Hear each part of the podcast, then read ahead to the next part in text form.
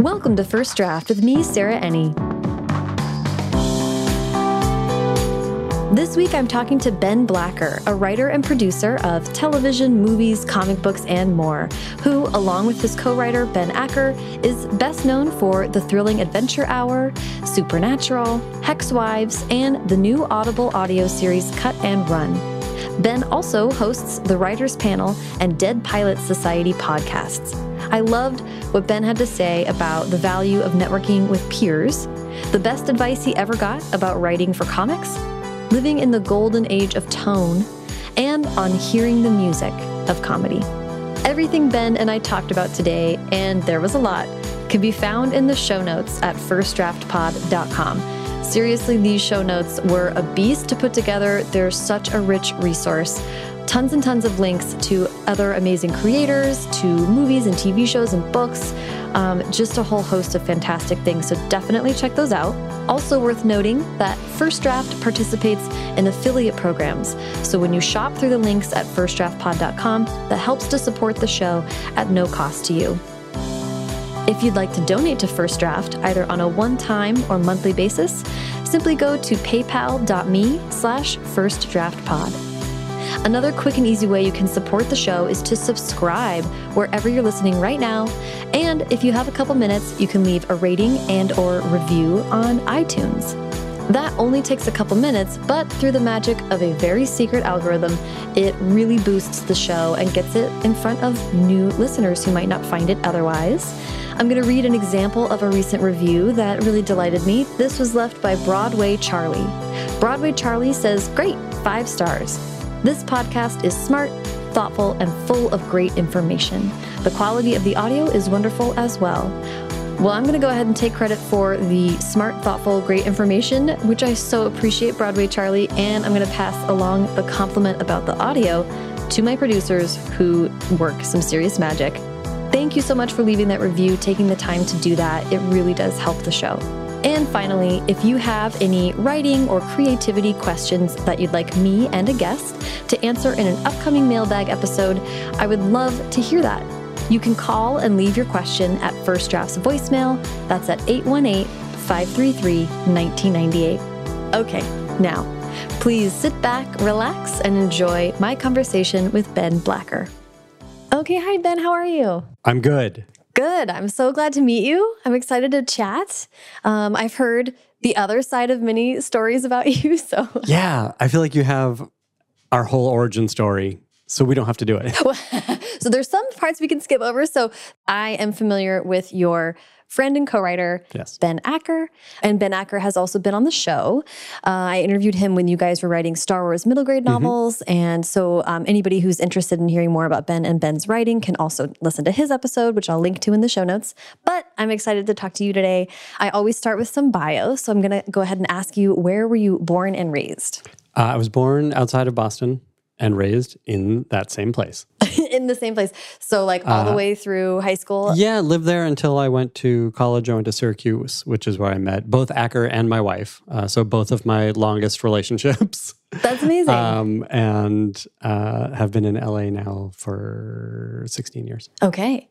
Well, let's get to that. I'm interested in in growing up. How was reading and writing a part of of childhood for you? Um, I was a good reader as a kid. My mom's sister, my aunt, was a uh, children's librarian. Oh, amazing. And so, yeah, there was a lot of like recommendations and you know piles of books foisted on us and and she was so engaged as a librarian yeah uh, and she worked at our school for a while and she worked at other other schools so she always knew like what were the books everyone was talking about so i feel like as a kid especially like i read everything anything that she gave me I read because I liked her so much and I trusted her. Yeah. And it was, you know, everything from like Beverly Cleary and um, Zilpha Keatley Snyder was a big one. Do you remember oh, her? No. I bring her up every once in a while, especially to book people. And it feels like she's been forgotten. Yeah. What are the, do you remember the titles? Her big title was The Egypt Game which okay, I had to read in familiar. elementary school. Okay. And is the one most people know. She had a couple of other big ones, but she wrote like a hundred middle grade and younger books, mostly middle grade, um, that were all either like vaguely supernatural mm-hmm. um, or had some sort of thriller or adventure element. And I loved those so much. And she was the first writer that I read I met in person. She was doing a reading at uh, the Boston Public Library, and my mom took me to go talk to her. I remember asking her a question, but mostly it was like, "Oh, this is a real person. Yeah. Writing writers are real. You can do this for a living." And she was this super nice lady, probably in her 60s or 70s at that time. Yeah, and actually, that's so interesting that you got to have that experience because I think it's a relatively recent phenomenon that writers go to schools pretty often now. I mm-hmm. think a lot of times kids at all, all levels of schools to have the opportunity to meet writers and sort of get that, like, Yeah. oh, this is real. Um, that can't not have been formative for you. It seems like you were probably a creative little guy. I was, but I think I only realized how formative that was in the past couple of years when I like I had totally forgotten about her too after, you know, reading everything as a kid. I looked her up maybe a couple of years ago when people were like, "What IP do you like? right. what do you want to develop for TV?" I was like, "Oh, I remember loving her stuff." Uh, and she passed away maybe 5 years ago, something like that, in her 90s. Wow. But yeah, that must have been formative seeing a person who makes the stuff that I liked. Right. Right. And you got to ask her a question that's so like uh, that's so tangible. like I love these things and someone makes them. I think we can't underestimate how powerful that is for fledgling creatives. Absolutely. I mean, that's like, say what you will about social media, but that kind of access is good and bad. you Yeah, know? right. right. then people who shouldn't maybe be creative people. no, I'm just kidding. But um I want to ask. I love that you just described uh, her books as thrilling and adventure. That's I didn't realize I did, but yes. very appropriate because I want to ask about uh, comics and genre too. Mm-hmm. Um, about how I didn't grow up as a comics reader, so I'd love to hear how you got into them and what were your books. Yeah. Um, it was my dad. Um, my first comics were my dad's like early 60s, mid 60s, Spider Man, Batman, mostly Marvel comics, Fantastic Four, stuff like that, which he had in our attic um, because I grew up in the house in which he grew up. Oh wow, Uh, that's like so special. after moving around, he moved back there when his parents moved to Florida. Um, it's special and weird. like they're still there, and maybe Oh. it's time to go. Interesting. oh my gosh, I love that. That was kind of like a family thing, though, to like a connection with your dad to read the what he read as a kid. It was, and he, yeah, he was a comic book kid. He was a big sci-fi nerd, which actually put me off of genre for a long time. Really? And I never thought of comics as genre for some reason. Maybe I thought of it as a medium and not Mm-hmm. the genre within the medium. But comics were always okay with me. But I did not like science fiction. I'm still not a big science fiction person. That's interesting. Uh, because my dad would love Star Trek. Like he also took me to see Star Wars and Mm-hmm. that stuff. So certainly it was formative for me. But yeah, I resisted a lot of that for a long time. That's I funny. started to, and, I, and maybe it was because I loved Batman comics, but I like, got into crime and that kind of stuff. Mm, okay. Crime stories, not actual crime. And, and I mean, like, we'll come back to that because that is, I just thought that's such an obvious thread through a lot of what you guys write is a lot of genre. And, and I do, I am interested in, in uh, how was creative writing a part of your life or when did that come into your life? It kind of always was. I mean, I was a big player as a kid. I loved to pretend, um, but also I love TV. Even as a kid, like I remember in kindergarten playing Three's Company and The Love Boat with Vicky Fang and Randy Nigerian, Amazing. um, like every day, building blocks, building sets, and stuff like that, and playing as if we were in the TV shows. And then in third grade, I, I wrote basically fan fiction for a TV show, which I'm sure you do not remember because you are younger than I am, but uh, Scarecrow and Mrs. King, oh, I it know the like name, but I haven't seen it. a mystery of the week show uh, with Kate Jackson was the star. And I loved it as a third grader, which is insane. Like this was a show for grown-ups. I know it was on at like nine o'clock. Um, but I loved it. And I wrote a story that had these characters in That's it. so and I remember distinctly like creating this thing and liking the sensation of that. So, so even from early writing, you really were inspired by TV. It really was.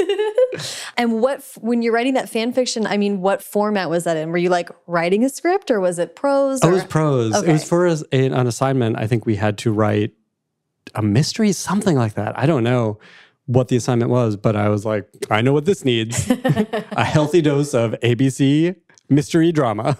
Your teacher was like, "I like this, but what's what's it happening?" must have been so strange for that teacher to be like, "What is?" Because fan fiction wasn't a thing yet either. No, like n- what is yeah. this kid doing? But isn't it funny how fan fiction is such a like uh, now it's sort it's so mainstream we all Yeah. kind of understand what it is but in but some iteration of fan fiction has been early creative Absolutely. Part of life forever. I mean, I don't remember if Acker talked about this when he was on the podcast, but the first scripts we wrote together were Buffy the Vampire specs. Because this was when you wanted to have a specs of an existing show, so you you wrote that so people could see that you can write in the voice of another show. So we we wrote two Buffy specs over the course of a weekend, and they were basically fanfic. Like one was, what if uh, the Buffy gang was at our coffee shop that we hung out at in college? What if that happened? And the other was like a crazy, way too big idea to put in a spec script, but we didn't know the rules. We just wanted to do it, and we knew these characters, and we loved these characters, and we could write their voices. Um, and what we got out of it was writing together, which was clearly way better in most ways for both of us.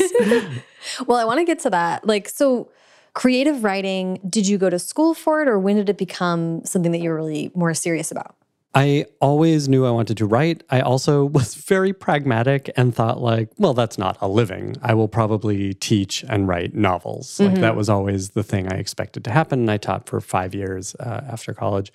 I did go to school for. I wanted to do uh, fiction writing and l- really like literature study. And I went to Syracuse, and they did not have a good undergrad literature department. But I was also interested in film, so I took film classes, which is where I met Acker. And I transferred to Emerson in my last couple of years, where they did have good literature department, and I took all those classes that I wanted to take.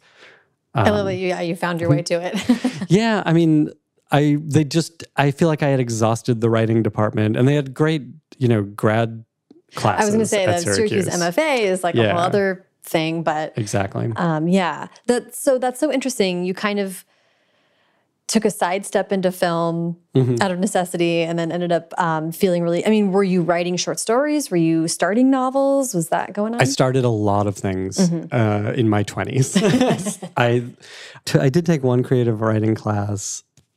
I wish I could remember the teacher. She's a, a known novelist, and she told me I would never be a writer. Um, she's a great. Oh, Francine Prose is who it was. Yeah, Uh, her books on, on my nightstand she's right now. terrific. I mean, she's a brilliant writer, and to hear that as a twenty-year-old was like, oh yeah, I'll show you. you know, that's so funny. That's like the kind of thing that would either Right. evoke that response. It could go either way. or you're like, uh, I'm now knit for a living. exactly. You'll never be a knitter. Yeah. You'll never be a professional knitter. Um, but I remember for that class, we had to turn in either it was either what we had been working on that whole year or a series of stories or something like that. And I had not finished anything that year. So I turned in a piece called Fear of Commitment Nine Beginnings. I remember the only person entertained by this was Acker. Like he and Oh I thought it was so funny. um, and I do not remember what grade I got on Oh my that, but it could not have been good. I love that. Um, but yeah, it took a long time to finish anything. Well, I want to talk about the origin of of writing with Ben. Were you trying scripts on your own at all, or was it with Ben that you started to kind of get into scripts? Um, I had taken, well, we did in college, you know, we were in film classes, we were in screenwriting classes Oh, okay. together. Um, and the reason I left the film school is I didn't want to make movies, I just wanted to write them. I didn't care about the other technical Mm-hmm. parts of it. Um, and I had sort of exhausted those classes. So when I went to Emerson, I was still interested in it. So I took a TV writing class, Mm. uh, which I loved. And it was run by a former writer for Roseanne. Uh, who was doing this class? She like was at Emerson for a year, and she treated the class like a writer's room. So we all worked on our own script, but it was very collaborative, and it was so much fun. I wrote a um, "Mad About You" spec, which was the first TV I had written, and she liked it, and she sent it to Paul Reiser, and I got this lovely note saying, like, this is really great. We already have a babysitter episode. This was at the end of the run. But, you know, please keep it up or something like that, which was amazing to get. Yeah, Um, Francine versus Paul. right? I'll take Reiser any day. Although Francine Prose was in Aliens. So, Oh, that's true. um, I love that class so much. I took it again another semester and did a Dharma and Greg script. So I had been doing this. Uh, meanwhile, Acker had graduated and come out to LA and was working as a office PA on Will and Grace. And he was being asked, they knew he wanted to write, he was being asked for scripts. And so he called me up and was like, How do I do that? Um, and I said, Oh, I just did these classes. I think I have a handle on it. One, you, so he came out to Boston. And that's when we sat down for like four days and wrote two Buffy specs. Nice. Oh my God, I yeah. love that one long weekend. yeah, it really was. Uh, it was a lot of fun. And then shortly after that, we sort of started sending stuff back and forth. And it was just a natural progression from there. Yeah, I'm I'm I'm very interested in this because this is not. Um, I think it's much more common in like entertainment or writing for TV or movies to have a writing partner yeah. as opposed to in book world. There is some of it, but it's pretty rare. Mm -hmm. So I'm so interested in just like the development of that and how like finding your voice together. Mm -hmm. I mm-hmm. mean, how did that process kind of go? I think early on we were filling gaps in each other's skill sets. Mm-hmm. Um, he's a very big idea guy, and he still tends to be. Um, and I'm very structure oriented. Mm-hmm. And ironically, now I love deadlines. I love finishing things because I know when I finish something, I get to do something else. Right. I, like I have a short attention span. um, so early on, it was a lot of that, and we had a shared sensibility. We liked the same stuff for the most part, mm-hmm. um, and I think we both we each also brought other things to the party um, yeah. as far as influences. Well, it's interesting that you were sort of at Emerson studying like the the sort of like maybe technical element of mm -hmm. like let's put a script together. Meanwhile, Ben was out here just being like on a set and learning yeah. a lot about that, which absolutely. means I think very complementary and distinct skill sets. yeah, absolutely. Um, and I think that's what sort of drove us early on. But we never found one good way of working together. I think you know, this was now 20 years ago and we've had some gaps in between, but it's been pretty consistent since 2005. Yeah. Um, when we started thrilling. And I, you know, the thing we sort of hit on broadly is one of us will come to the other with an idea. And if it's sticky, we sort of work on that idea and start to break it down, mm -hmm. which is exactly what we did this week. Is like I pitched him a horror thing. He said, That's bonkers, let's do it and we spent you know four or five days breaking down the scenes like basically creating an outline together but it's a messy outline mm-hmm. uh, and then he's gone off to write the proper outline mm-hmm. uh, sort of like a long prose piece yeah that will turn into the script which the way we're working lately is one of us will sort of shepherd a project mm-hmm. and that way we can work on two or three things at the same time yeah i was going to say you guys have like a it seems like a time management and a project management like a workflow basically, yeah, basically. is what we're talking about um, and i'm i'm so super interested in how that developed mm-hmm. and just like communication as a and, and mm-hmm. a lot of my listeners are like aspiring writers, which same for your podcast. Sure, but so I'd love anything um, you know a lot about how other writers work too. So I'm interested in how you guys developed this communication style. Yeah, I think the workflow was out of necessity. When we are doing Thrilling Adventure Hour, we did that show every month, a new 80 page script for 10 years. Yeah, there's I'm a lot of like, pages. I'm just now recognizing how intense 80 pages is. Like, it's a lot of work. Shocking, yeah. Um, and then, you know, a couple weeks of producing the thing. So we got it to the point where we could write the script in about a week, week and a half. Mm-hmm. But to back up from that, um, yeah. We would start the process by saying, like, we have three segments in the show. What are the actors we have? What, what pieces do we want to do? Do you mind, just for purposes of yeah. this conversation, do you mind pitching Thrilling Absolutely. so then we can, yeah. uh, Thrilling Adventure Hour was a stage show in the style of old time radio that we did for 10 years from 2005 to 2015. It's also a podcast that you can still find on iTunes. And it was made up of multiple segments. We always started with a space western called Sparks Nevada Marshal on Mars. We always ended with uh, our sort of Nick and Nora with plus the supernatural, a Thin Man plus the supernatural called Beyond Belief. And then the middle segment changed out every month. We had a superhero spoof. We had, you know, all kinds of silly pieces in there.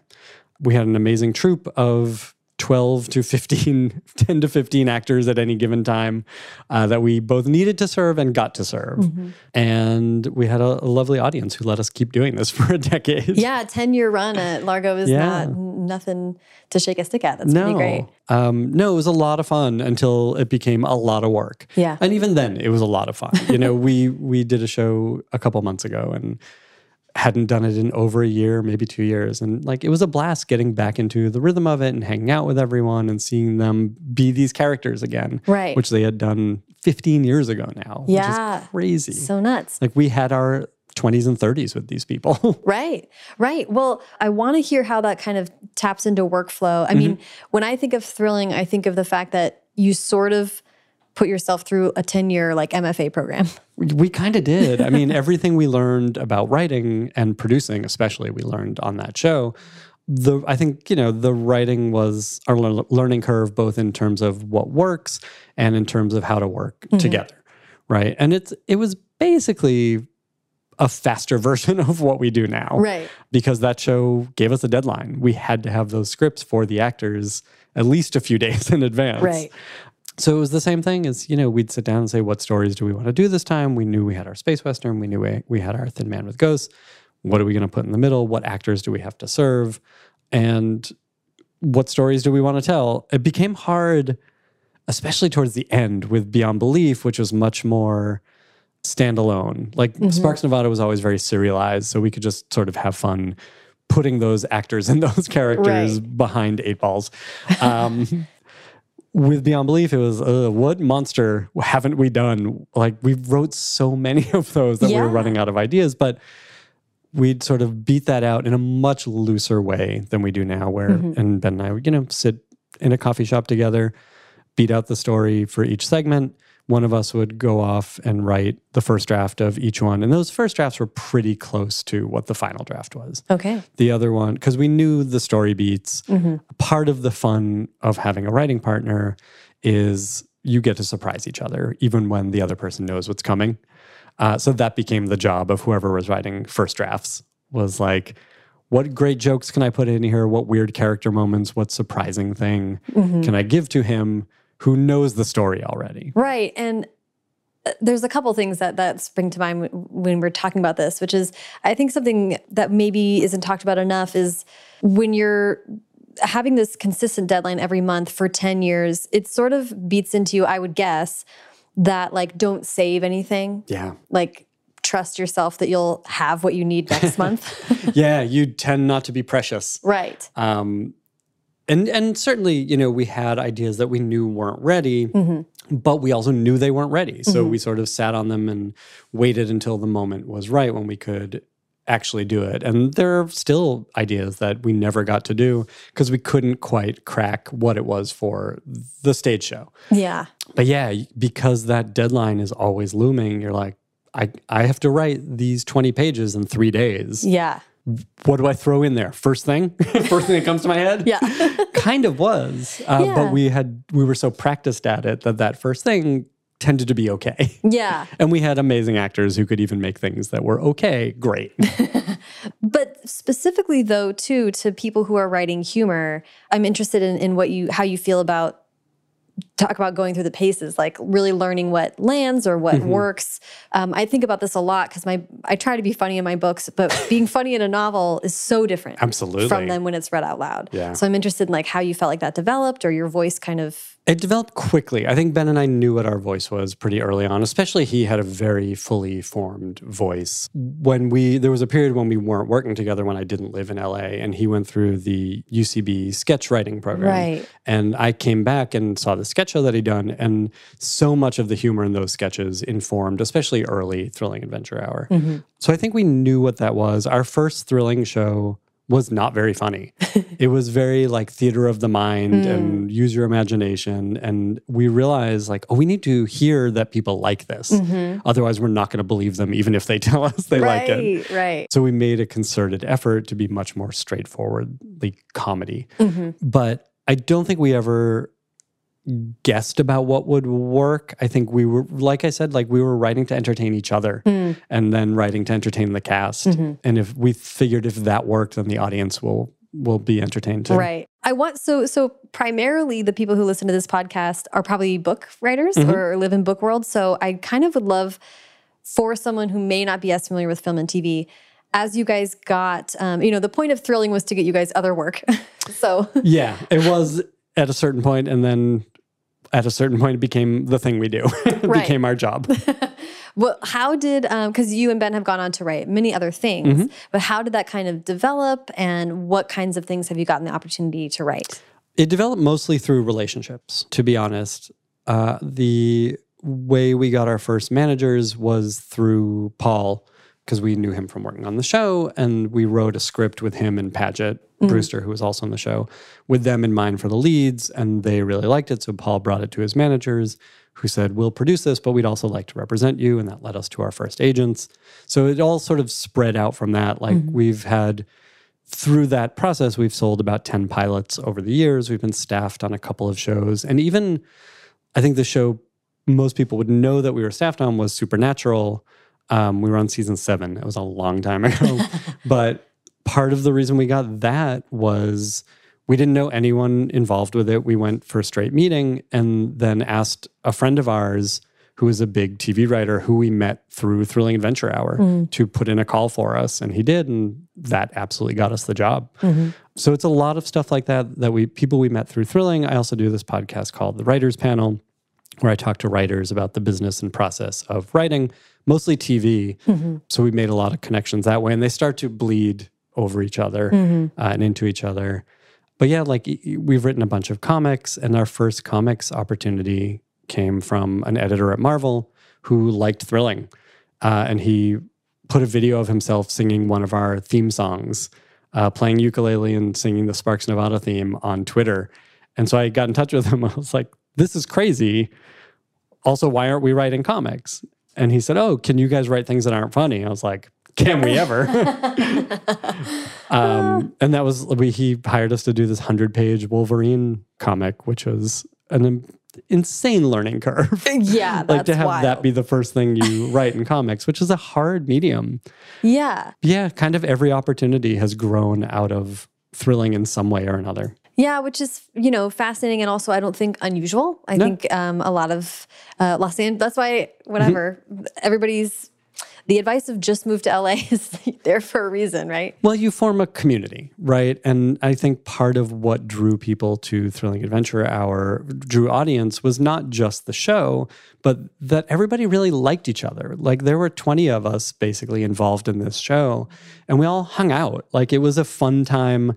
And I think that came across on stage and it came across in the podcast. And I think people wanted to be a part of that. And, Yeah. and they were just by showing up, just by listening to it. Yeah, And I think that taught us a lot about networking. Like networking can be such an ugly word, but it doesn't have to be an ugly practice. yeah, It just means hanging out with people you like who make things that you like. yes, exactly. um, which Ben and I both do. Like we get opportunities to meet people who work in other media or who, people who work in the same medium and get to know them and talk about being creative in their process or how hard it is or whatever or like how terrible notes are. Um, and like that's networking. You're you're but it, we like to think of it as creating a community. Yeah, yeah. I I've gone off on this many times on the show, but yeah, no, that's like I think people call it networking when they're scared of it and they want to hate it. It's like yeah, there's some of that, and I think people who don't don't understand it too. Like I think there's an instinct to network up, which I absolutely understand, and I do that too. But it always comes from a place of like, I like that thing you do, and I want to know how you do it. And I created an excuse for me to talk to those people with the writers panel. Right. But that's also led to friendships.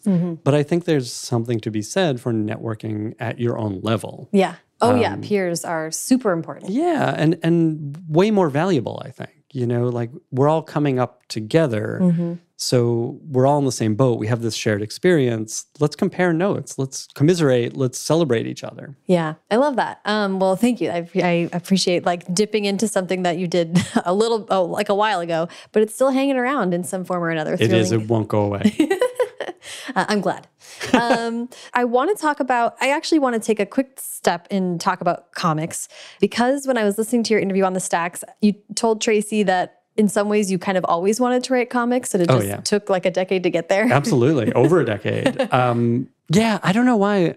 I always saw myself as writing comics for a living. Mm-hmm. Um, And I think it would have been easier 20 years ago. Right. but I'm glad I've gotten to do some of it. I remember even, I think I was like 18, 19, submitting a story to an editor at DC Comics for a character that I like a Flash spin-off that I liked. And I got a lovely note again saying, like, this is a fun idea. We're not looking for anything right now, or we have other plans or something. Yeah. Like, all right, that's all that's kind that kind of rejection is only encouraging to me. Yeah. Oh, totally. And something on like a, DC stationery or Marvel stationery. Yeah. like, great. That's all I wanted. Yeah, I just I always liked the medium and I felt like I had sort of internalized how that kind of storytelling works. yeah, Um, it's very different. it it is different. It's kind of between prose and script.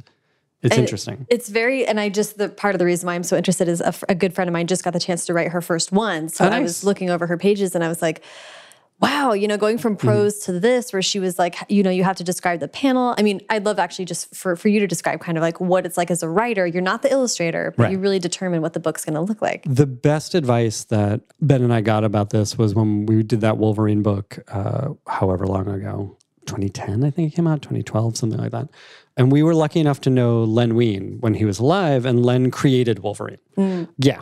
He- No big deal. he i mean he created swamp thing. He created thousands of characters at marvel and dc he was an editor at dc for years. He edited the watchmen books. Like he he was the forrest gump of comics. He helped create comic cons um, so we were really lucky to know len. And when we got this we were like len how do we write comics? And his advice was writing comics is like looking at a film strip and picking out the frame that best tells the story and describing that frame while still leaving room for your artist to work. Um, and I think that we got from Ed Brubaker also, who's an amazing comic book writer. I think it was Ed who said, like, your script is just a letter to your artist. So That's kind however you want to frame that, it. it really is, and it's it's what I did. Um, and I think when I was on the stacks, I was talking about Hexwives, Mm-hmm. It's really how I thought of that, since I knew who my artist would be, and we Mm. sort of were in it together from the beginning. I could tailor everything to her and Mm-hmm. ask her like, ask Mirka, what do you like in a script? What do you want to draw? What do you not want to draw? Right. She was Italian and she speaks great English, but she will tell you her English is not great. But like there were American idioms just because the book took place in a sort of 1950s suburb in America that she didn't have. Um, so giving her references for that and stuff like that. Yeah. So like that letter to the artist was really helpful and and Len's advice of like describing that frame that's the work of it and that's really hard Yeah, it is. It's very interesting to. Um, I hadn't realized before how much, even in prose and in novel format, you're describing a moving thing. You know, Yeah. it feels fluid, and then in comics, it's like no. no it's this frame is this i mean the biggest error we see in comic scripts from new writers is putting two actions in one frame because it's your instinct like you're used to movement uh, and this is a weird not that yeah, yeah. That's that's so interesting. Do you want to pitch Hex Wives really cute or or really fast? I'll pitch it. I'll pitch it cute. Uh, I appreciate Hex that. Wives is adorable. Uh, Hex Wives is Bewitched plus the Stepford Wives. It's about a bunch of powerful witches who find themselves not knowing what they are, trapped in uh, this suburban housewife life, and the way they find their way out of that. Yeah, Um, and am I right that that you wrote that on your own? I did. It was a story I'd wanted to tell for a few years um, as I saw what was happening in the world and like the evils of the patriarchy becoming clearer and the systematic oppression and danger inherent in that patriarchy becoming clearer started to form around my love of TV. Like I used to come home from school and watch Bewitched. Right. I loved that show because I loved Elizabeth Montgomery. I mean, she's the best. Right? And it was not a good show. It was so dumb. It was the same every time. But using that, and I hadn't really had a chance to write horror either, which mm-hmm. is a real love of mine. Um, and Ben and I got to do like comedy horror in thrilling, but I want to do some real horror that stuff that scared me. Mm-hmm. So yeah, all of that was sort of went into Hex Wives. And after DC said they wanted to do it, I went to Ben and I said, Do you want to be a part of this? And mm-hmm. Uh, he said, It seems like you have a good handle on it. I'm ha- happy to be there if you want me, but if you don't, go try it. And it was so much harder doing it on my own. Really? Breaking story was hard. I mean, that's the part where we really lean on each other. And it's why you have a writer's room is to break story. Luckily, I had amazing editors on Hexwives, um, Molly Mahan and Maggie Howell, who let me do that with them. Like I would go into the DC office and just throw ideas around, and they really helped form that story. Yeah, I love that. And that, I mean, it was so interesting to me that it's like a whole different format and you got to kind of try something on your own. Yeah. But in a lot of ways, it's still very collaborative. Like you're saying, working with the illustrator and all that stuff. Part of why I love comics is it has the collaboration of TV or film, but the immediacy of novel writing. Yeah. There are so few collaborators, and everything you do is like doesn't have to go through a million hoops. I mean, I had this incredible conversation with my colorist after one or two issues where she explained what she was doing with color and I like I was like why is this book so beautiful? what are you doing? Yeah. Um, and we did it on a, a podcast that, that's still out there, but we talked for 90 minutes and she broke down how coloring works. Wow. Um, Marissa Louise is her name, and she's still working on a bunch of books. And she's Yeah. like, there's so much artistry in that craft that I was totally unaware of that helps make it what it is. yeah. Um, and the fact that I could just talk to her instead of, you know, finding, having a meeting between departments was really important and part of, again, part of the fun of comics. yeah. I love that. I'll find that podcast and link to it in the in the show notes. Uh, it's comic book commentary. Okay, because that's also something I've been talking to a lot of graphic novelists and and um, even picture book artists recently, and it's just like, yeah, like you're saying, I'm like, how how the thing I don't understand Yeah. even where to begin to ask questions about that stuff. Folks should listen to comic book commentary. I did this, I started this podcast last year. We just did it for 2019. Okay, But every week, a new comic book, mostly writers, some artists, talking, like doing a commentary track on an issue of their comic. oh my gosh, that's awesome. this was really fun. Um, I couldn't exactly find the origin date for writers panel. When did you start that show? Oh my gosh, so long ago.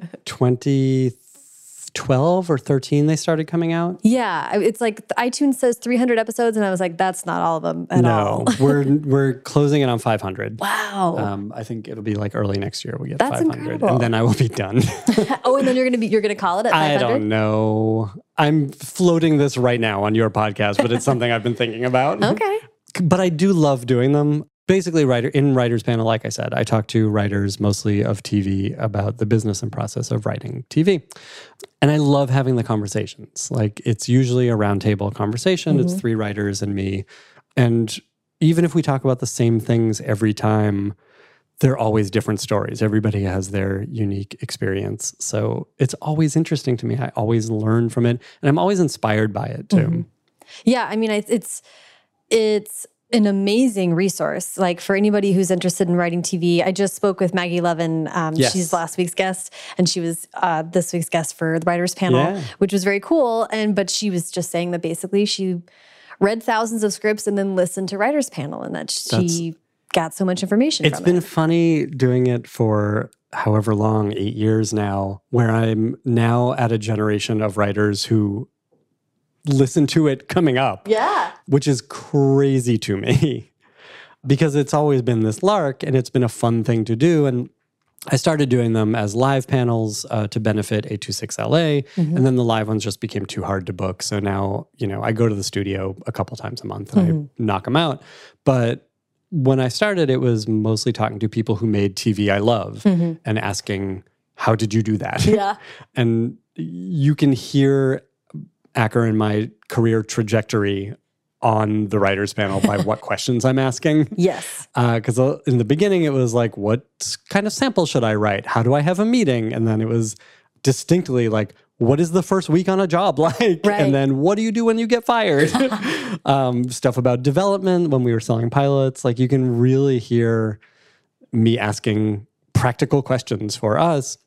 Now, the past few years, I tend to have writers of all different levels because I'm mm-hmm. finding those conversations really interesting. So I had Maggie, who had just written and directed her first feature, but I also had a showrunner who's run three shows and came up since Gossip Girl. Yeah. So like those conversations among people who are essentially peers but with all different levels of experience has been really fun for me Yeah, that was in particular was a fun episode. It was like him being like, I'm so tired. i will yes like i hear that so often and it makes me a little afraid to be a showrunner but also like well i'm not going to be like that yeah, of course, of course. i do recommend if people are looking for a jumping on one Yeah. that is brand new Yeah. mark frost the co-creator of twin peaks steven canals the co-creator of pose and harley peyton who was a writer on twin peaks and has done a ton of other stuff is an incredible conversation Okay. hearing mark frost and uh, steven canals admire each other's work 30 years apart Wow. is really cool. And like Pose, the line drawn between Twin Peaks and Pose, and like what each does for TV, which is where the conversations have been in the past few years of like how the industry is changing.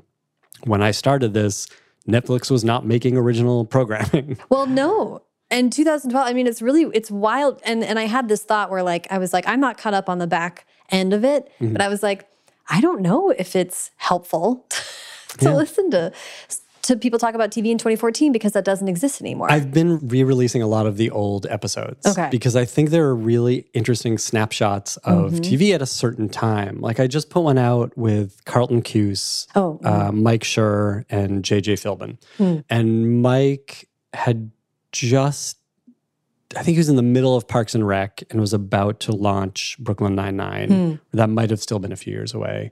Carlton was on the other side of Lost. Mm-hmm. And then JJ was a staff writer on New Girl, and now she's a creator of uh, Single Parents. So, like, hearing these people at this point in their career and where TV was, where there really was the beginning of basic cable. So, like, Carlton was interested in after Lost, like, what opportunities are out there and what can I get away with on, say, FX or AMC or, or whatever. And Mike had worked on a show, The Office, that helped change what comedy was. So, what does the guy, that guy do next? Yeah. Um, I don't know. It, it was an interesting conversation. So, I'm putting out those older ones every once in a while for the next couple months, anyway, I like that. uh, here and there. Yeah, that's it's really neat, and I I, I want to hear about just the inspiration for starting it. I mean, you you and Ben starting Thrilling as a podcast was like so uh, um so ahead of its time, truly. And then same can be said for Writers Panel. I mean, there's a lot of shows about that stuff now, but you have been Yeah. going since 2012. You have a backlog to be admired, you know. Well, and I think the reason I could do it then was no one was talking to writers yet. right. You know, when I started or when it really took off after the first year or two was when I had Vince Gilligan on, which is sort of the beginning of that showrunner auteur idea, uh, as much as he credits his room with everything. So yeah, I think that's how I got away with it. Is nobody nobody was asking writers to talk. Like that's how I had Damon Lindelof on my first show. Um, was no one was clamoring for him because Lost was still as huge as it was, just a sci-fi show. Right. Uh, it was a weird time that's hard to imagine now, where like every showrunner is being heralded as Right. you know Well, this was that was pre recap culture. Yeah. That was pre, you know, like now you can go on Vulture and just like people are just as engaged in, on the back end of something Yeah. as they are in the actual show itself. yeah Uh, I mean, Marc Evan Jackson hosting the podcast about the. Good Place, simul- running simultaneous with the Good Place is like Yeah. the it's it's de rigueur now, but it's also when you step back and look at it, it's like that's kind of crazy. People are just that interested in how it gets made. Yeah, and I think that's a lucky thing that I stumbled into is, you know, that's all I was interested in. I'm the guy who watches DVD commentaries. Yes. Right. And that's all I was doing was asking the questions that I wanted answers to, which is really about how the things are made. And I was lucky enough that other people were interested too, whether they were other writers, which was a large portion of the audience, or they were the kind of people who watch DVD extras. You know, they like the behind the scenes stuff. They want to know how Bones is made, you Right. know? So that, yeah, I sort of stumbled into just by being a fan of TV. Yeah, well, it's and and the reason it's so interesting to me is obviously I have I Yeah. feel the same. And I think there's a a lot of us who are creative are also process nerds. yes, Um, and like whatever creative thing, like I'll watch any cooking show, I'll watch any documentary about you know making food because it's something I understand, Mm-hmm. so I can appreciate the nuance of, and I feel the same way about a writing podcast or whatever it is. Yeah. I don't think I could watch someone paint for an hour, yeah, that's so even if they talk me through it. Oh, and uh, and can you talk about Dead Pilots Society? Here's another thing I do. um, I wonder why I don't have any time. And then someone asked me about each of these things in turn. like, oh, that's why I don't have any time. Um, Dead Pilot Society is a live show and podcast created by Andrew Reich, who is a Friends writer, and he's written for a bunch of shows. He and his partner at the time had something like 13 or 15 pilots that they sold, comedy pilots that they sold that never got made. And he was like, This is a shame that I never get to see the table read. I never get to cast actors. I never get to hear this. So he, as a one time thing, did uh, one of his pilots and one of another Friends writer, I believe. And they just did a table read with actors that he kind of knew and had been working with. And he invited me to come because he thought he would make it a regular thing. And he knew that between the writers panel and Thrilling Adventure Hour, I knew a lot of writers and I knew a lot of actors. And you could produce something. exactly. So I joined up with him shortly thereafter. Uh, we put the podcast on the Max Fun Network, and we've been doing it since. I mean, we we do live shows pretty much every quarter or so, a little more, at all different venues around Los Angeles. We get great actors to read these scripts that otherwise would never get heard. So, foremost for me, it's for the writers. Mm-hmm. Ben and I had one of our scripts read, and it was so much fun getting to hear this thing that had only lived on the page before. We also get these incredible actors to come do this, as we did with Thrilling, where like people are just happy to come, especially if they're not actors who work in comedy a lot or who get to do live comedy a lot to just come and like be on stage and get laughs and yeah. work with other actors on a fun, easy thing. I was going to say there's something that I can only imagine a low stakes yeah. immediate gratification. I mean, and if you're an actor, you hear like no so much, and there's so much. I think there's a lot of stress on stuff you do day to day, and getting the chance to just go do something and put fun into it must be a dream. totally, and and it's fun for us. It's yeah. you know often the scripts are great and there's always a story about why they don't get made. It's another process thing, right? The stories about how it doesn't get made. I, I love yeah. that stuff. Yeah. And the chance to hear, uh, well, this brings us to scripted audio, which you invented. Which Ben and I invented. uh, so let's talk about Cut and Run. Um, I want to uh, hear the uh, pitch for the show before we get into more details. Cut and Run is a lighthearted dark comedy about best friends who are kidney thieves and the havoc that wreaks on their respective relationships. it's an Audible original, mm-hmm. which means it's kind of like I'm like it's like one of the fiction podcasts but shorter. I don't know. Yeah, I don't know. It's so hard to explain. Yeah. Audible is doing full cast readings of original material. Mm-hmm. So it's just a scripted podcast. Right, right. But it's not like every week or anything. You get three hours which is a complete story at one time because yeah. what they do is audiobooks. That's what they that's how they know how to release things. So if you have an Audible account, you can make it one of your choices for that month or whatever. Um, if you don't have an Audible account, you can still get it, and I think it's like nine dollars or something. Yeah, yeah, which is how I got it. Downloaded it super fast, and it's oh, like thanks. a third of the length of a full book, which is great so, and much funnier. It, it truly was, yes, much funnier than a lot of the audiobooks I've been listening the to. The cast is ridiculous. Yeah, like dude, they're just a pleasure to listen to. I mean, tr- like truly, I mean, and we'll get to it. But Darcy and Sam were like, I was like scaring my cat laughing while made, washing dishes this morning. It was so funny. I want to, it has kind of a long run up. This it does this or this uh, script. So, do you mind kind of giving us the history? Yeah, um, the short version is this is a script, a pilot script, which is basically the first half hour of the audio version. Is something Ben and I wrote in 2007, um, and it is the script that I mentioned before that we wrote for Paul and Paget. We had them in mind for the city. oh, that the was leads. Them. Oh, fun! And it was based on a sketch that Ben had done at UCB about this guy's worst day, and it was getting his kidney stolen. What came out of that was the doctor and the con artist characters were such a funny and like engaging friendship and we wanted to explore that. So we wrote the script. Uh, it sold to a studio two days after the contracts closed was a writer strike. So we never got to shop it around, but we got passes on it because it was being sent out, which was very weird. Strange. It sort of became our sample that kind of went out for staffing or development or whatever that people really responded to. Like we got a lot of, I love this script. What else can you do? Right. What can we do that's not as gross? like this is from like Dexter was on the air, so I don't know how people thought this was too gross. Right, that's true. um, but it, I think because it is so lighthearted that they didn't expect the kidney stealing to Right. be like that contrast was a lot for people. Well, also what what okay, this is interesting because what you're talking about is tone. Mm-hmm. I do think that you guys you guys have a very specific when you write together have a very specific voice Yeah. and tone. And I'm interested in how it's been to explain that to people or to ha- I don't know how, how do you Yeah. kind of like work with that? It's hard to explain. I think, and it's part of why we were sort of a- a mystery to even our representatives for a long time because the stuff that we write didn't really exist in the world mm-hmm. until the past few years. Mm-hmm. Now it's all different, which is really great. Like we saw that first season of Fargo uh, or Breaking Bad, like later seasons of Breaking Bad, and we're like, this is what we do. Like it's dark, but it's funny. It has real characters who don't tell jokes, but have wit about them.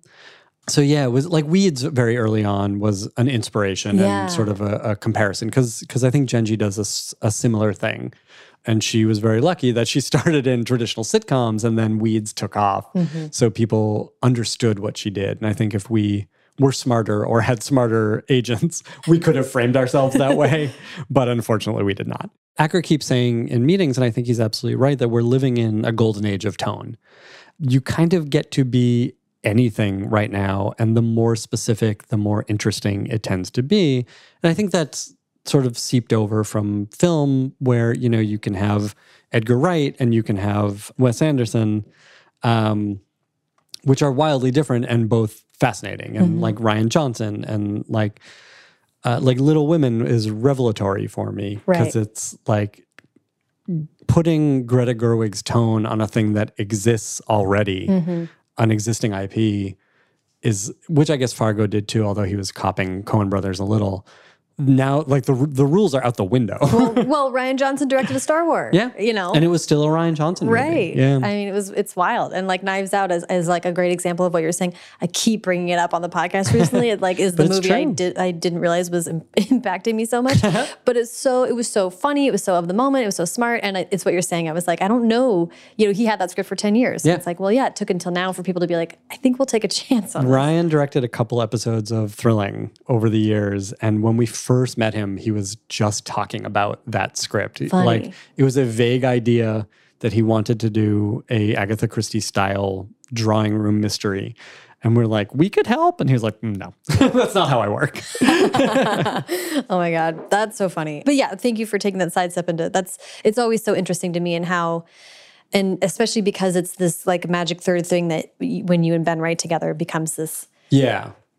This whatever it is. Whatever comes out is sort of the collection of both of our individual and collective interests and influences and, you know, also serving the thing that we're doing. Like we could write supernatural. We were able to do that, but it's not it's not what we sound like left to our own devices. Right. And, luckily there's a world where we can do that. Right. Uh, uh, the other reason this is so interesting is that on the recent episode of Writers Panel, where you spoke with the two writers Mm-hmm. who helped you on Cut and Run, you were kind of talking about being like, who could imitate us or Yeah, who could like kind of seamlessly. we didn't realize how weird our writing was uh, until we needed other people to do it. And we had some other writers contribute to Thrilling over the years. And that was when we figured out. And they were great, like Len Wein did it, David Fury wrote something, Ed Brubaker wrote something. Like we had great writers contributing. But they were never quite our voice. And we are like, oh, this isn't as easy as we think it is. it's easy for us because it's us. right. Um, so when we entered, when we got to hire a staff for Cut and Run, not only were we looking for funny people, but people who found the same kind of thing funny. Right. And I think they like they did more than we could ever have come up with. Like they, those two, uh, it was Humphrey Ker and Katie Wood, were incredible, and they made jokes that we never would have thought of. And I'll, I'll link to that episode because hearing you guys talk about it was really instructive and, and pretty very cool. I'm not going to make you repeat the whole conversation now, but people should definitely listen to that. But I, I think I cut you off mid story. So you had this script. Oh, right. So yes, It was your so it kind of became our sample. Yeah, it was our calling card. People liked it, In 2017, the Wondery podcast network started up, and a an executive who had been in comedy at Fox went over to run their scripted division, and he remembered Cut and Run, and he said, "I think this would be a great audio series." And they gave us a little budget, and that's when we hired Humphrey and Katie. We, you know, had a little writers' room when we wrote six episodes, and then that executive left Wondery, and they decided they only wanted to concentrate on their documentary stuff. So they gave it back to us, which was great. That was very nice. And then we had three hours of script with and nothing to do with it. So we shopped it around a little bit, and it was a little too expensive for most people because it this was like 2018 was a shift in podcasting where people were starting to discover it Yeah. and throw some money into it, but it was all very tentative. Uh, and there hadn't been great podcast success in narrative. Yeah. So through a fluke, it wound up in the hands of Audible through a friend of ours. He was sent the pilot, uh, the audio version of the pilot, and he said, "This is great. Is there more of it?" I think the the uh, the connection is Janet Varney. Is that Yes. right? Because I got to talk to her for the show too. So Oh, great. I'll just plug that episode. You can hear Janet talk about Ske- Sketchfest. Yeah, everything. so it was for Sketchfest. They basically do a Dead Pilots, but with feature films, and they do like stage readings. So Janet had come to us to say, "Do you have any dead features?" And we said, "No, but we have this thing which is already audio. do you want to do that?" And so she sent it along, and they said, "We don't want to do that. We want to make that our next Audible original." And they sort of fast tracked it after that, which was great because everything was done. right. And their overwhelming note was don't make it episodic. Like Yeah. th- these should be chapters. That's how we do stuff. We'll release it all at once. So like Acker did a little polish of it, sort of cutting off the ends and cleaning it up. And that's the only difference from the 2017 version, pretty much. Which is wild. So then that was so when you got greenlit by Audible, that was 2018. That was the beginning, uh, yeah, end of 18, beginning of 19. So it was like January last year. Everything Okay. was wrapped up. And then the idea was for us to record over the summer. Right. It's just so funny and cool to think of writing something in 2017 and then like a year and change later, it's like, oh, all of a sudden we get to work on this thing. It's the fastest anything has ever happened for us. We in 2017 we sold a movie and a TV show, and it took a year for both of those contracts to close, and then they sort of fizzled out. With Cut and Run, now granted we wrote it in 2007, right, right. um, but once Audible got on board, it was really fast Very which was great. And the cast sort of fell together. Like we had lists of maybe four or five names for each character. You know, they had a real budget to work with, so they said, you know, shoot for the stars, but we pointedly did not want to use any thrilling adventure hour people Really? Okay. because we wanted to write for some different people. Mm-hmm. Uh, even though it was written, we wanted to tailor it for different actors. We wanted to have experience working with actors that we could couldn't shorthand with, uh, so we could learn that a little bit. Interesting. Yeah, that makes a lot of sense. Yeah. But yeah, like I said, like most everyone came from our collection, our network. I mean, it was basically between Thrilling and then Dead Pilot Society. Mm-hmm. Meg Ryan came from Audible. They had been talking to her about something else and said, when we were looking for a narrator, I think it was Acker who said, like, this is at heart a romantic comedy. So let's get a romantic comedy person, and who better than Meg Ryan? The queen. Uh, and that she did it was amazing. And she's so good. It's so she's great. just so charming. it's also very yeah it's, charming is such the perfect word and and like as a narrator it's just like you know there's a certain you know thing about narration it's just like soothing you're like oh i'm in good hands meg ryan Yeah. wouldn't lead me astray That's you know? totally i think You she says as someone much at the top of the show Does she? I've not listened to it. Um, but you do want someone you can trust, right? Like, I don't like in prose a narrator with a personality, Hmm. unless it's a first person narration. Mm-hmm. Uh, I don't like an omniscient narrator with a personality because it tends to be a little cute. Mm-hmm. I love it in audio uh, because so it could be very dry otherwise. Yeah, that's such an interesting distinction. And I was just t- the the I'm I'm pausing on it too because I just talked to a woman who writes middle grade, hmm. and we were talking about fairy tales mm-hmm. and how there is some comfort in a re- in the remove hmm. because you feel like you're being told a story. It's like the Princess Bride type of thing where like the construct is part of that kind of mm-hmm. storytelling, but you're right, it can get really cute and almost twee Yeah. at some point. but in audio, it feels like you you really need someone to keep keep it moving Right. and connect with you. Yeah, you need that connection. I think Yeah. you're, that's the exact right word. Is it's so easy to lose the train of thought in audio. Yeah. I have, I, I actually, I, I really want to ask you about this because this is a kind of an ineffable thing that I have trouble figuring out why it is that I have such a great attention span for long Yeah. nonfiction when it comes to audio, but fiction is can be tough. Yeah. Um, this, what you guys wrote was not hard. I'm glad. uh, yeah, it really but it could have been and and i think we talk about this on the podcast with humphrey and katie too is like you're both allowed and it's a terrible trap in scripted audio especially comedy and especially the way we write to have these long digressions Right. into for example the uh, multi-world role-playing game based on the west wing but with supernatural elements That and his story about that was was so Beyond. good i did not realize oh it's people should go listen to that. you have to listen to it. um, but like th- that joke was so funny, and he wrote a page digression that you can only do in audio, but you have to like it's such a balancing act, right? Because you want to keep the story moving and you want to keep people interested and not just hearing the cadence of voices, right?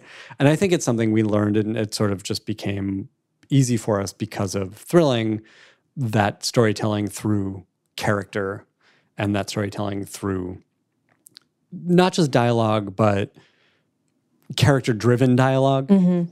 which like look that's any good writing. You're going to apply that to any script but in audio i think you have to be more selective about the kinds of kind of language you use Yeah, I mean, I like there's there's no uh, uh, you can get as granular as you want about this because because this is really interesting to me. But there's also an element of pacing, right? Because I haven't written for TV or film, but the sense I get is that it's pretty rigid. It's like it's just got to move, and there's a little bit more room when you're talking about. I mean, that's why I have a podcast that can go on for two hours. I mean, like I love having room to breathe. I Yeah. write novels, uh, so that feels like maybe you get a little bit more breathing Yeah, I mean, I think this is a conversation that Acker and I had a lot in thrilling, and and I think it just sort of came naturally when we applied it to cut and run, which is you have to give the audience a chance to rest. Um, you can't just give them a barrage of both information and character and jokes and story. Right. right? Um, they need a chance to rest, which is why we had theme songs in thrilling. Like you gave their brains a chance to adjust to a different kind of being entertained. Mm-hmm. And I think that's what the narrator does in Cut and Run. I think even though Meg Ryan is giving you information, she's doing it in a much more straightforward way. Mm-hmm. As much as she's a character, she's the character of Meg Ryan. Yeah. it's something you know and are familiar with. So there's nothing to learn there. So it's almost like putting a song in. Um, I want to ask, since this is this is something that I don't that I haven't been able to do before. You said that you obviously we know the script was written, then you got to cast it. But then I'm curious when you have you when you know it's going to be a D'Arcy Carden, when you know it's going to be Thomas Lennon.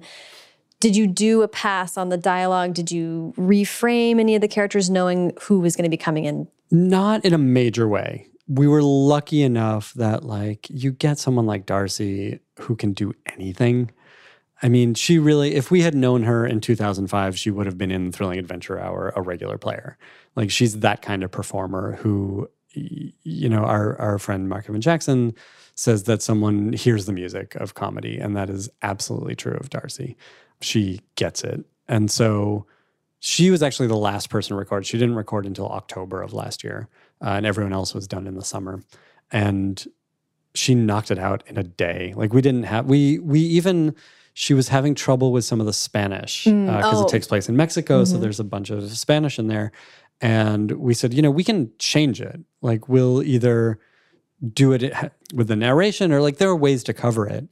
And she was like, no, no, I'll learn it. And she did, like, she did the homework. And we brought in a friend of ours, a, another writer named Carlos Folia, who sat in the booth with her and fed her the lines when she needed them. And she just repeated and killed it. Like, it came out flawless.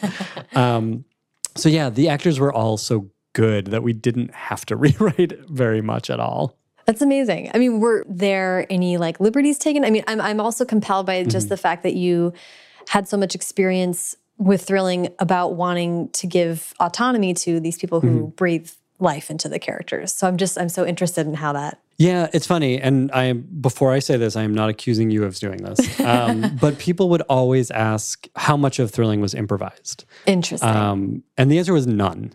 The reason you hire good actors is because they make everything sound spontaneous, Mm-hmm, um, and that was always true of Thrilling, and that was always true of Cut and Run.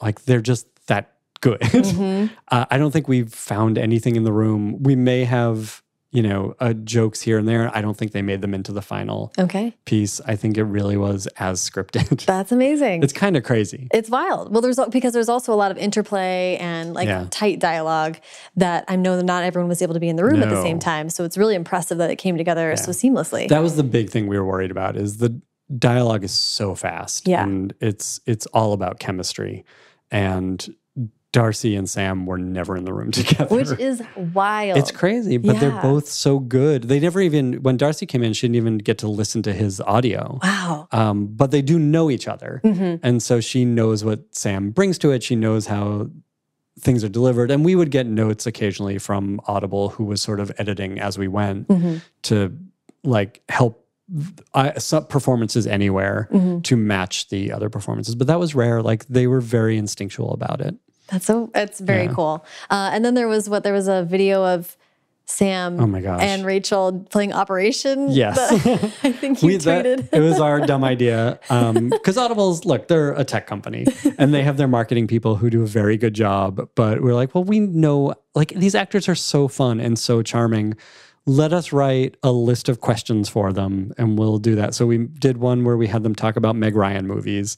And we didn't, I'll have to get the longer cut of it, but they're talking about their favorite Meg Ryan movies. And then Rachel goes, Oh, Meg Ryan's in this. it was so funny.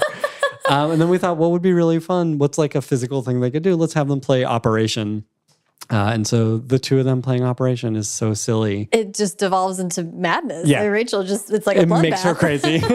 It makes her lose her mind.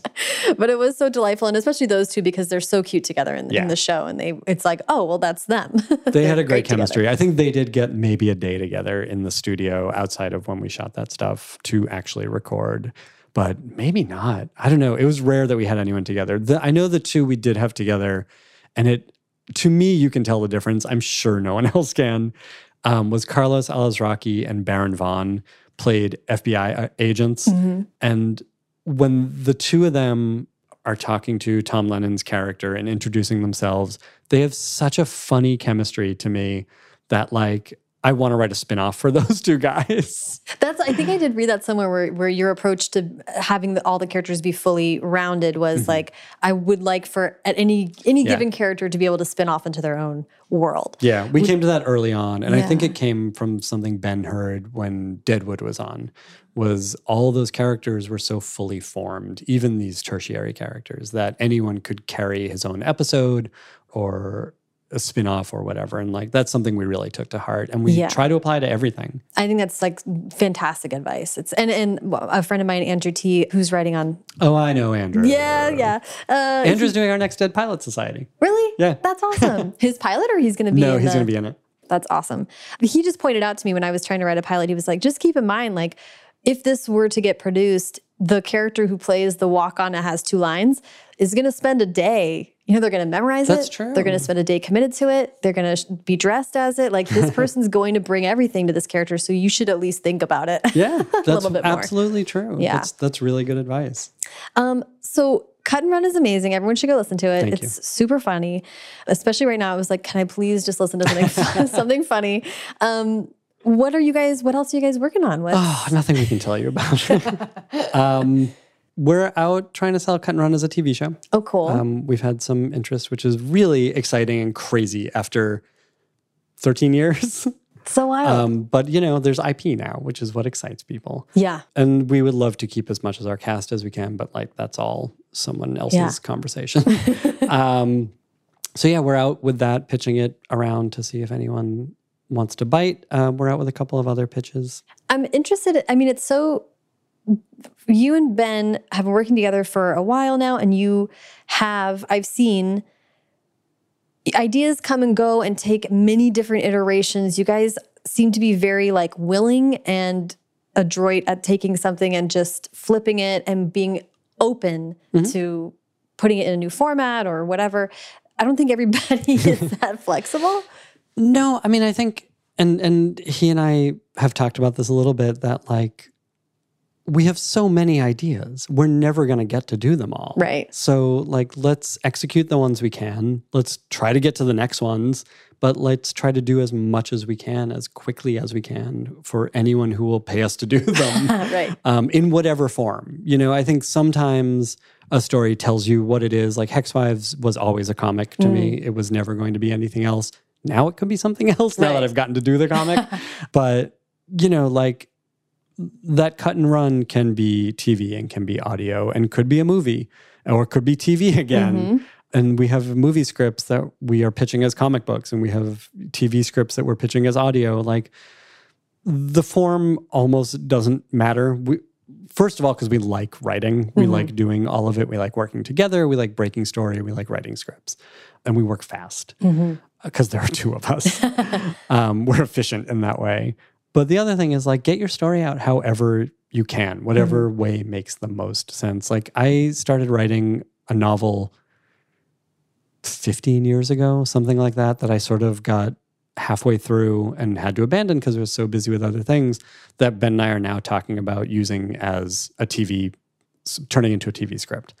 Like the ideas are there. It's a thing that our agent responded to, who we run all the ideas by. Like, this makes sense for you guys. It's a different tone, but you get away with that tone now. Mm-hmm.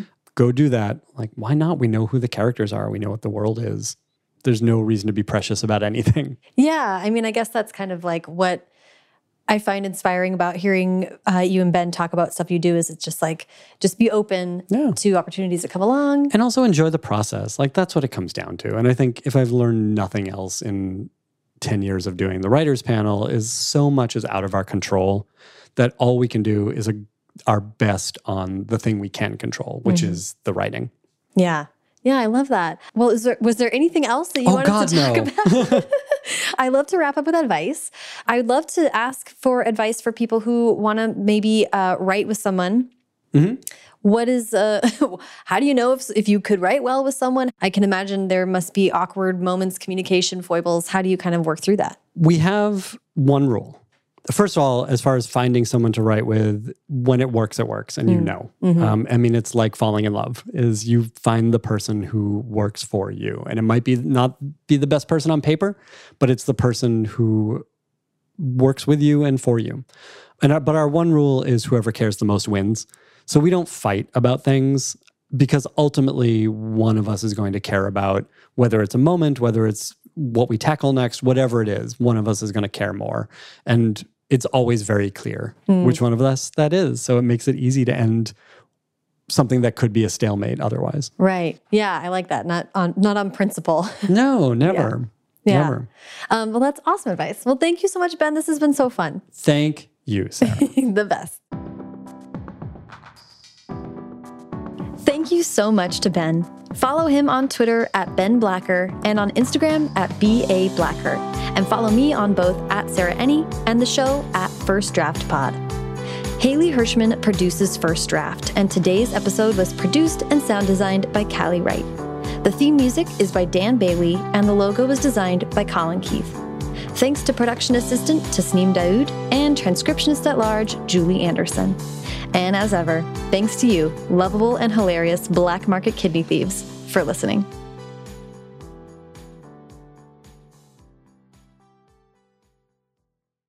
Is there any other kind of kidney thief? It's okay.